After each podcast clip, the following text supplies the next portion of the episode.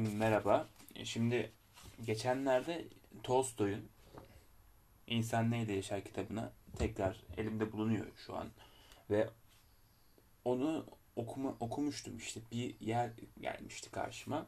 İkinci bölümü olan İnsana Ne Kadar Toprak Lazım kısmı. Onu biraz okuyacağım ve onun üzerinden e, yorumlarımı sizlerle paylaşacağım. Şimdi abla ile kız kardeş, abla kız kardeşini ziyarete gidiyor. Abla şehirde bir tüccarla evliyken kız kardeşi köyde bir köylüyle evli. E, kardeşler oturmuş çaylarını içerlerken abla şehirde yaşamın avantajlarının ilgili böbürlenmeye başlıyor.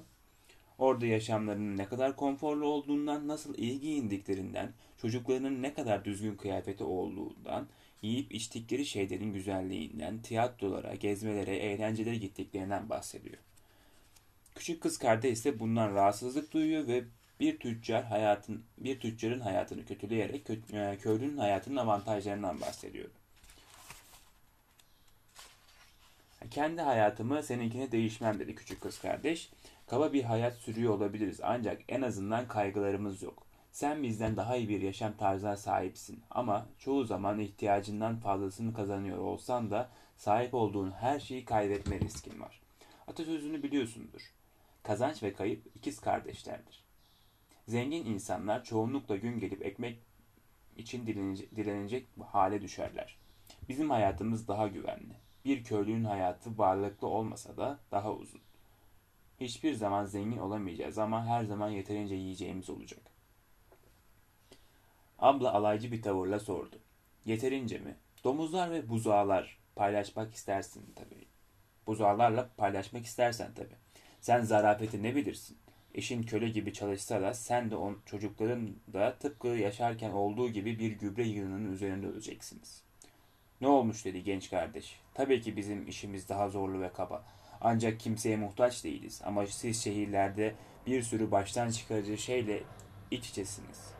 Bugün belki her şey yolundadır ancak yarın şeytan eşini kumara, alkole ya da kadınlara götürebilir ve sahip olduğumuz her şey mahvolabilir. Bu tür şeyleri sık sık görmüyor muyuz? Evin sahibi Pahom fırının üzerinde uzanmış kadınların sohbetini dinliyordu. Kesinlikle doğru diye düşündü. Biz köylüler doğduğumuzdan beri toprak anayla ilgilenmeye öyle bir kaptırmışız ki kendimizi aklımıza hiçbir saçmalığı sokmaya vaktimiz yok. Bizim tek derdimiz yeterince toprak sahibi olamamak. Eğer benim yeterince toprağım olsaydı şeytanın kendisinden bile korkmazdı. Kadınlar çaylarını bitirdikten sonra bir süre giyim kuşamdan bahsedip bulaşıklarını yıkadılar ve uyudular. Ancak şeytan fırının arkasında oturuyordu ve tüm konuşulanları duymuştu. Köylünün karısının eşini övmesini ve adamın da yeterince toprağı olsa şeytandan bile korkmayacağını söylediğini duymaktan memnun olmuştu. Pekala diye geçirdi şeytan içinden. Bir oyun oynayacağız. Sana yeterince toprak vereceğim ve bu sayede seni kontrolüm altına alacağım. Yani bir önceki bölümde, podcast bölümünde e, ihtiyaçlarımızın ne kadar bizim ihtiyaçlarımız olduğundan bahsetmiştik. Oysa e, hayatımız e, yani bu hikayede ben, ben, benim de onu canlandırıyor. Oysa yani normal hayatımız devam ettirebilsek yani daha iyi koşullar için farklı e, isterken farklı ihtiyaçlarımız ortaya çıkıyor. Aslında yaşam e, daha iyi koşullara sahip olmak mıdır yoksa daha mutlu olmak mıdır? Bazen onu e, karıştırabiliyoruz. Daha mutlu olmak için daha çok şeye mi ihtiyaç vardır yoksa e, sevdiğin insanlarla birlikte olmaya mı ihtiyaç vardır diye e, düşünüyorum kendi kendime. Yani bazen e, benim hayat mottoma göre e, geçinebileceğim kadar yani karnımın doy karnım doysun şey yapsın ücretsiz bir sürü ya da ücretsiz yani yapabileceğim bir sürü bir sürü şey var. Mutlu olabileceğim ve kendimi geliştirebileceğim e, bir sürü etkinlik var.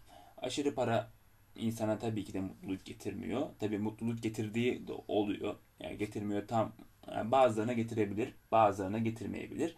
Ama önemli olan o mutluluğu bulabilmek diye düşünüyorum hayatta.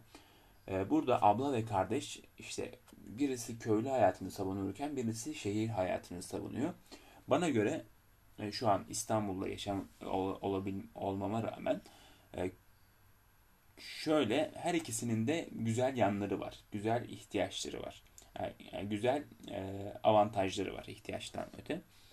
Mesela şehirde ihtiyaçlarınızı karşılayabiliyorsunuz şehir hayatında. İşte tiyatrosu olsun, sineması olsun birçok etkinlik, aktiviteye rahat bir şekilde ulaşabiliyorsunuz. Ee, köy hayatında ise sağlıklı bir yaşama ulaşabiliyorsunuz. Temiz bir havaya ulaşabiliyorsunuz.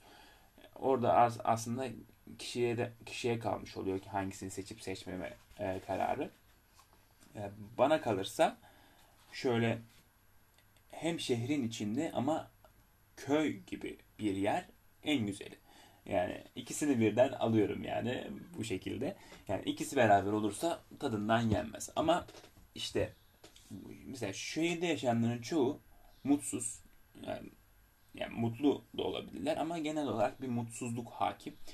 Ee, şöyle mutsuz olmasına rağmen ama terk edemiyorlardı. Çünkü artık orayla bir bütün haline gelmişler. Ee, Sinema Paradiso diye bir film izledim. Ee, arkadaşım önerdi. Sinema Paradiso'da e, orada işte çocuk e, şu an adını hatırlayamıyorum başroldeki çocuğa e, oradaki adam şey diyor buradan git ve sakın geri dönme. Buraya geri dönersen işte yaşadığın yere doğup büyüdüğü yere bir daha geri dönerse yani gelişemeyeceksin. Sen zeki bir adamsın ya da sen iyi bir adamsın ve sen başarılı olabilecek bir adamsın diyor ve burayı terk etmen gerekiyor diyor. Çocuk orayı terk ettikten sonra bir şeyler başarıyor ve geriye döndüğünde o şehre e, bakıyor ki her şey kötüye yani her şey kötüye gitmiş demeyeyim ama e, yani önemli bir insan oluyor, önemli bir adam oluyor ve herkes e, şey yapıyor, saygıyla yaklaşıyor. Normalde öyle fazla saygıyla yaklaşmıyorlardı. E, hatta bir e, şey aklımda kaldı mesela konuşması. E, şey diyor, kim derdi ki bu çocuğun böyle bir adam olacağı? Kimin aklına gelirdi diyor. Yani yani şu toparlarsam e, şöyle oluyor. Bence şehir hayatı da güzel.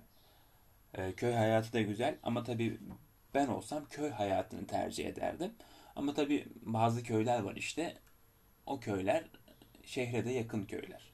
Altında araban varsa ya da ulaşabileceğin e, ihtiyaçlar mesela yani benim için tiyatro, sinema gibi şeyler vazgeçilmez. İnternet tabii ki de vazgeçilmez. Ama mesela bir yazılımcı bir adam e, evden çalışıyorsa e, şöyle düşünün, hayal edin, gözlerinizi kapatın, istediğinizi yapın ya da başka bir şey yapın. Ee, normal evden çalışarak ya da öyle fazla şehrin içinde yaşamaya gerek kalmadan bir yaşam sürebilecek bir işe sahipseniz şöyle düşünün kapınızı açtığınızda ya da pencerenizi açtığınızda yeşilliklerle dolu ya da denize bakan bir yer ya da işte kuşların öttüğü e, cıvıl cıvıl yani baktıkça içinizin açılacağı bir ortamda yaşamak mı daha huzurlu olur, sizin için daha güzel olur. Yoksa e, işte apartmanları gördüğünüz böyle gri tonlarla her yerin olduğu çok insanın olduğu ama şey çok insanın olması da tabii ki ne kadar huzur getiriyor o da şüpheli. Çok insan var ve iç içesiniz. Otobüsler full gidiyor. Ee, bir sürü insanla karşılaşıyorsunuz. Trafik var, şey var, her şey var. Ee, ama işte hangisi daha güzel? Orası benim için bir şüpheli. Yani şimdi ulaşabilecek çok şey var ama bir o kadar da kötü yanı var. Tabii iyi yanları da var, kötü yanları da var işte. Sıkıntılı. Peki. Şimdi bir bakıyorum elimdeki kitap bunun o iki bölümünde başka başka neler denilebilir? Ee, işte mesela avantajlı yanlarından ve dezavantajlı yanlarından bahsetmiş işte küçük kız kardeş ablasına. Ee, şimdi ben köy hayatını da yaşadım. Şehir hayatını da yaşıyorum. Yani her yaz köye gidiyoruz, şey yapıyoruz işte bahçede fındık topluyoruz, şey yapıyoruz. Her yaz olmasa da bile gittiğim zamanlarda. Yani orada ya oradayken burayı özlüyorum, buradayken orayı özlüyorum. Yani ikisinin de cezbeden yerleri var. Siz bu konuda neler düşünüyorsunuz? Ses kaydı olarak atabilirsiniz ya da bana yazabilirsiniz DM'den. fark etmez. Mesela şeytan işte öyle bir akla giriyor ki yani aslında şeytan mı aslında yoksa bizim kendi içimizdeki iç ses mi? Tabii iç sesin karşıda da şeytan olabilir. Ee, şüpheli yani kötü düşüncelerin çoğu şeytandandır deniliyor. Ee, şeytan işte ne ihtiyacınız olmasa bile size öyle bir göz boyuyor ki size e, o göz boyama karşılığında e, şey oluyor. E, göz boyamanın karşılığında kendi yolunuzdan sapıyorsunuz.